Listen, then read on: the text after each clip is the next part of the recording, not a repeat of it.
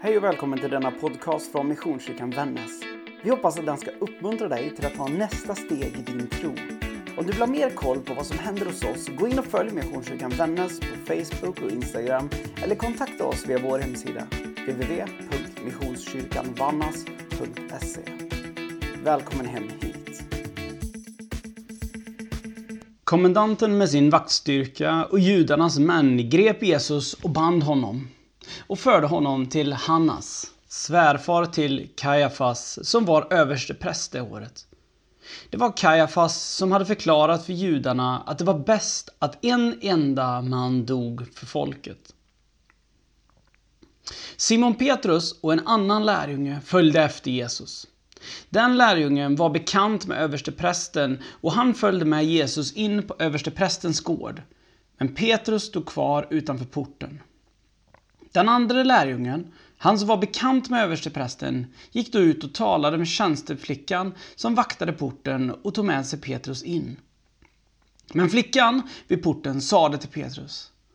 Hör inte du till den där mannens lärjungar? Han svarade Nej, det gör jag inte. Tjänarna och vakterna stod och värmde sig vid en koleld som de hade tänt, eftersom det var kallt. Petrus stod där också och värmde sig tillsammans med dem. Översteprästen frågade Jesus om hans lärjungar och hans lära. Jesus sade, Jag har talat öppet till världen. Jag har alltid undervisat i synagogorna och i templet, där alla judar samlas. Jag har inte sagt något i hemlighet. Varför frågar du mig? Fråga dem som har hört mig vad jag har förkunnat för dem. De vet ju vad jag har sagt. En av vakterna som stod där gav honom då en örfil och sade Ska du svara överste prästen på det sättet? Jesus sade Har jag sagt något som är fel, så säg vad det var. Men om jag har rätt, varför slår du mig? Hannas skickade honom då bunden till översteprästen Kajafas. Men Simon Petrus, han stod där och värmde sig. De sade till honom, Hör inte du också till hans lärjungar? Men Petrus förnekade det. Nej, det gör jag inte.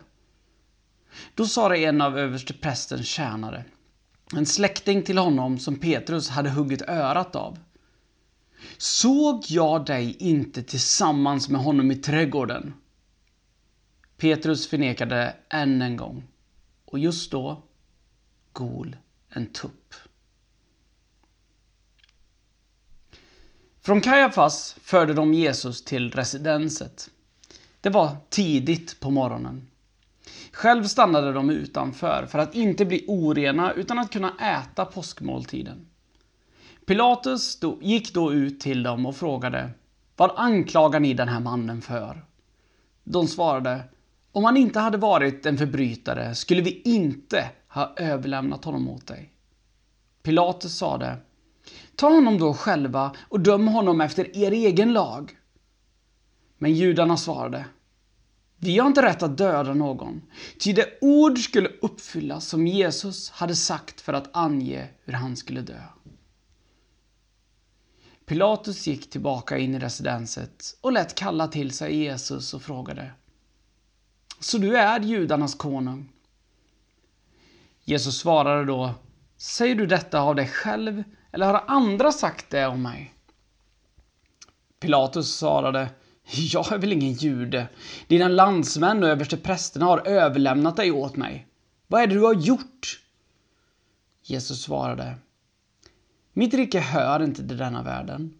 Om mitt rike hörde till denna världen hade mina följeslagare kämpat för att jag inte skulle bli utlämnad åt judarna. Men nu är mitt rike av ett annat slag. Pilatus frågade, Du är alltså kung? Jesus svarade, Du själv säger att jag är kung. Jag har fötts och kommit hit till den här världen för en enda sak. Att vittna för sanningen. Den som hör till sanningen lyssnar till min röst. Pilatus sade då till honom. Vad är sanning? Sedan gick han ut igen till judarna och sade Jag kan inte finna honom skyldig till något. Men det är sed att jag friger någon åt er vid påsken. Vill ni alltså att jag ska frige judarnas konung? Då ropade de igen. Inte honom, utan Barabbas. Barabbas var en rövare. Då tog Pilatus Jesus och lät gissla honom. Och soldaterna vred ihop en krans av törne och satte på hans huvud. Och de hängde på honom en purpurröd mandel. De gick fram till honom och sade Var hälsad judarnas konung! Och de gav honom örfilar. Sedan gick Pilatus ut igen och sade till judarna Jag för ut honom till er för att ni ska förstå att jag inte finner honom skyldig till något. Jesus kom ut med törnekransen och den purpurröda manteln och Pilatus sade Här är mannen. Så snart översteprästerna och deras folk fick se honom ropade de Korsfäst! Korsfäst! Pilatus sade Ta honom och korsfäst honom själva. Jag finner honom inte skyldig till något. Men judarna svarade. Vi har en lag och enligt den lagen måste han dö eftersom han har gjort sig till Guds son. När Pilatus hörde detta blev han ännu mer oroad. Han gick tillbaka in i residenset och frågade Jesus. Varifrån är du? Men Jesus gav honom inget svar. Pilatus svarade, sade då Vägrar du att tala med mig? Vet du inte att jag har makt att frige dig och makt att korsfästa dig? Jesus svarade Du ska inte ha någon makt över mig om du inte hade fått den från ovan. Därför har den som överlämnade mig åt dig en större skuld. Och efter det svaret ville Pilatus frige honom. Men judarna ropade Om du släpper honom är du inte kejsarens vän. Den som gör sig till kung sätter sig upp mot kejsaren. När Pilatus hörde de orden lät han föra ut Jesus och satte sig på domartribunen i den så kallade stengården, på hebreiska Gabata. Det var på förberedelsedagen före påsken vid sjätte timmen. Pilatus sade till judarna. Här ser ni er kung. Då ropade de. Bort med honom! Korsfäst honom! Pilatus frågade. Ska jag korsfästa er kung? Översteprästerna svarade. Vi har ingen annan kung än kejsaren. Då lämnade han Jesus åt dem till att korsfästas. De tog honom alltså med sig. Han bar själv sitt kors ut till den plats som kallas skallen, på hebreiska Golgata. Där korsfäste de Jesus tillsammans med två andra. En på var sida med Jesus i mitten. Pilatus hade också låtit skriva ett anslag som sattes upp på korset och där stod Jesus från Nasaret, judarnas konung.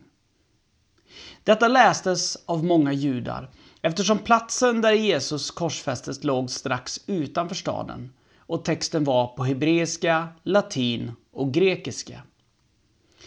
Men judarnas överste präster sade till Pilatus Skriv inte judarnas konung utan vad han själv har sagt. Jag är judarnas konung.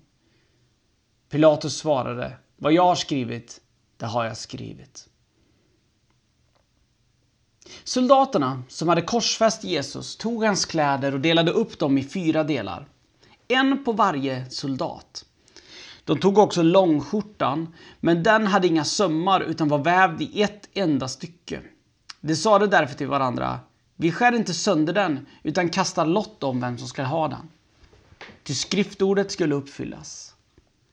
De delade upp mina kläder mellan sig och kastade lott om min klädnad. Det var vad soldaterna gjorde. Men vid Jesu kors stod hans mor och hans syster. Maria som var gift med Klopas och Maria från Magdala. När Jesus såg sin mor och bredvid henne den lärjunge som han älskade sade han till sin mor Kvinna, där är din son. Sedan sade han till lärjungen Där är din mor. Från den stunden hade hon sitt hem hos lärjungen. Jesus visste att nu var allt fullbordat och för att skriftordet skulle uppfyllas sa han Jag är törstig. Där stod ett kärl som var fyllt med surt vin. De satte därför en svamp som hade doppats i det sura vinet på en isopskälk och förde den till hans mun. När Jesus hade fått det sura vinet sade han Det är fullbordat. Och han böjde ner huvudet och överlämnade sin ande. Eftersom det var förberedelsedag och kropparna inte fick hänga kvar på korset under sabbaten, det var ju stor sabbat, bad judarna Pilatus att de korsfästas benpipor skulle krossas och kropparna föras bort. Soldaterna kom därför och krossade benen på dem som var korsfästa tillsammans med Jesus. Först på den ena och sedan på den andra. Men när de kom till Jesus och såg att han redan var död krossade de inte hans ben. Utan en av soldaterna stack upp sidan på honom med sin lans. Och då kom det blod och vatten. De som såg detta har vittnat om det för att också ni ska tro. Hans vittnesbörd är sant och han vet att han talar sanning. Detta skedde för att skriftordet skulle uppfyllas. Inget ben ska krossas på honom. Och på ett annat ställe heter det de ska se på honom som de har genomborrat. Du har precis lyssnat till aposteln Johannes berättelse om hur Jesus dog. Eller om vi ska säga hans sista dag i livet. En berättelse som ju åtminstone i mitt inre skapar väldigt mycket känslor. Det är en berättelse om svek, om tragik, om en fullkomligt mänsklig katastrof. Och om orättvisa i sin kanske renaste form. Till skillnad från de skildringarna som vi har från Matteus, Markus och Lukas evangelium så är det här en berättelse som är mer sprängd i bilder. Det är mer teologisk utveckling och det är mer förklaringar. Det här är en text som inte är skriven till människor som i första hand var judar. Det här är en text som är skriven till några andra. Och historiskt så har kristna teologer tänkt att det var församlingen i Efesos, ja, de där ni vet i Efesierbrevet, den församlingen som beställde på något vis, eller bad Johannes, kan inte du skriva ner din berättelse om hur du upplevde Jesus? Utav det så kan vi förstå att det här är skrivet till en romersk-hellenistisk tankevärld. Om du har läst och jämfört Lukas, Matteus, Markus med Johannes så är det här med tidsangivelserna på påsken är lite kluriga att förstå. Men förklaringen är enkel. Johannes skrev hur romare och, och greker förstod tidsuppfatt, hade sin tidsuppfattning. Medan de andra skrev till judarna och där tolkade man dagen lite olika. Som jag sa förra veckan så tror jag att det är viktigt att vi minns när vi läser evangelierna att författaren tänkte inte här ska skrivas bibel. Den här personen han skrev ner sina personliga upplevelser av att ha vandrat och levt med Jesus. Här är hans utläggning av vad som hände under påsken. Men det är inte en tillrättalagd snygg story. Det är med pinsamma detaljer om svek. Och det är utan tillrättalagda fakta. Med det sagt så är det viktigt att minnas att Johannesevangeliet är, Johannesevangeliet är det evangeliet som skrevs absolut sist. Och med det så har vi fått en liten annan förklaring av honom. Tittar vi till exempel i början så har Matteus, Markus och Lukas vill berätta om hur Jesus kom till världen. Man vill prata om släkttavlor, vilka han var släkt med, för att förklara att det här är en son av Davids hus. Medan Johannes är mer intresserad av vem Jesus sanna natur är. Att Jesus också är Gud. Nog om det, och vi hoppar tillbaka till långfredagens händelse. Och jag skulle vilja ta med er till en specifik del av den här berättelsen. Och det är mötet mellan Jesus och Pilatus. En, ett speciellt möte, och jag vet inte om du har lagt så mycket energi på att studera det där samtalet. Jag hade, ska jag ärligt erkänna, inte gjort det innan. Utan jag hade mer skummat förbi den delen för att komma till det viktiga. Det är liksom Golgata, det är där som det viktiga händer. Men inför den här predikan så har jag verkligen försökt sätta mig in i det där samtalet och vad som händer. För Pilatus, som ändå, om vi läser den här texten, verkar vara rätt så hyvens kar. Han har ett behov av att vara rättvis. Han brottas med tanken på att fälla och utelämna Jesus, trots att han inte har bevis. Han finner ju inte bevis. Alltså, han kan inte förstå hur judarna vill låta honom avrättas. Trots att han själv talar om att han är judarnas konung. Och Kanske tydligast blir det när vi slår ihop det här. Det är alldeles uppenbart. Pilatus kan inte begripa att, han, att judarna tycker att det är ett rimligt straff att dödas för att man säger att de, man är deras kung. Jag menar, och det här skrivs ju inte, men man kan ju nästan mellan raderna läsa att på något vis att ja visst, han må vara koko karln. Han må vara knasig, han må vara helt bortom sina rimliga gränser. Men att dödas för en sån sak. Och vi märker i det här samtalet att Pilatus går fram och tillbaka. Han kliver in och vädjar till Jesus ytterligare en gång. Snälla, säg någonting.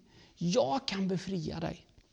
Men Jesus svarar varenda gång med ytterligare saker som Pilatus knappt begriper, men som ger än mer stoff för judarna att avrätta honom. Jesus vet helt enkelt sin plats. Han har accepterat vid det här laget sitt uppdrag. Han vet att det här är enda vägen framåt. Kvällen innan så såg verkligheten ut någonting helt annat för Jesus. Det var hans kväll och natt av ångest, av mörker. Vi har många gånger talat om långfredagen som den mörka dagen. Och visst är det en mörk dag. Men för Jesus så tror jag att det mörka hade redan inträffat fullt ut. Till slut så väljer judarna att hellre frige en rövare för att utlämna Jesus till döden. Och han förs ut till Golgata, till avrättningsplatsen utanför Jerusalem. Där korsfästs han. Man kastar lott om hans kläder. Här märker vi att Johannes också betonar för att skriftstället ska bli uppfyllt. För att skriftstället ska bli uppfyllt. Och så citerar han. Till skillnad från till exempel Matteus och Lukas som snarare säger för att profeten ska uppfyllas. För att där förutsätter man att man vet om. Man vet vad profeterna säger. Johannes han tänker inte på något vis att människor vet vad profeterna sagt, utan vill upprepa. Det som också är spännande när vi läser Johannes, det är att förstå att för honom, när Jesus väl är korsfäst, då har han, ett upp, har han några få uppdrag kvar. Det ena är att be om något att dricka för att skriftstället ska bli uppfyllt. Och det är att fixa någon som ska ta hand om hans mor. Han säger, som skriften säger, till lärjungen som älskade honom mest, som dessutom är den lärjungen som påstår sig ha skrivit Johannes evangeliet. Där är din mor. Och med det så är uppdraget för honom klart. Mamman har försörjning. Mamman har en trygghet. Nu är det den här lärjungen som får ta hand om modern. Och han ger upp med det är fullbordat. I jämförelse med Matteus, Lukas och Markus så är det en sån förminskad bild av döden. Det här är något som liksom, enligt Johannes bara, det här hände. Så här var det. Så här skulle det ske. Han ville på något vis komma vidare till någonting annat. Säga någonting annat. Men det är en senare del av helgen. Avslutningsvis så skulle jag vilja bara göra en markering som jag tror är viktigt. Det är två saker egentligen. Det första är vikten av att Johannes evangeliet säger att lärjungen som älskade honom var med där. Den författaren till det här brevet hade inte läst Bibeln för att komma till tro. Han hade inte på något vis liksom fått det predikat för sig av någon annan. Han var ett ögonvittne. Han var med och upplevde det. Det är en viktig betoning. Det andra är Markus evangeliet framför allt betonar att soldaterna hånar Jesus och säger om du nu liksom är så stor och stark, rädda dig själv nu. Men Jesus visste en sak. Likväl som författarna till alla evangelier visste en sak. Om Jesus skulle räddat sig själv så hade han inte kunnat rädda världen. För där har vi kärnan i långfredagen. Jesus dog för dig, mig och hela världen. Han tog allt det som är världens sorg, smärta, synd, trasighet på sig för att du och jag ska ha liv och liv i överflöd. Inte bara i evigheten, utan också här och nu. För att vi fullt ut ska kunna ha en relation till Gud. Långfredagen är en dag som är dyster. Det är alldeles uppenbart. Vår frälsare blir mördad. Men mitt i det mörka, att våran frälsare mördas, så finns våran seger. Låt oss be. Jesus Kristus, tack för det som du gjorde på långfredagen.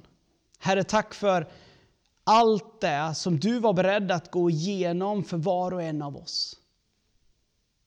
Herre, tack för att du är den guden som aldrig lämnar någon bakom sig, utan att du var beredd att gå hela vägen för vår skull. Du gav upp din egen stolthet, din egen bekvämlighet för det som var ditt uppdrag. Herre, jag ber att den här påsken ska, ska vi verkligen bara få bli påminda, mitt i det som är vår situation nu. Påminn oss om det fantastiska du har gjort, vad du har räddat oss ifrån. Genom det som är livets glada ögonblick och det som är livets mörker så ber jag, Herre, var oss nära. Påminn oss om allt du har gett oss. Och påminn oss om din stora kärlek. I ditt heliga namn. Amen. Gud välsigne dig och din fortsatta påskhelg.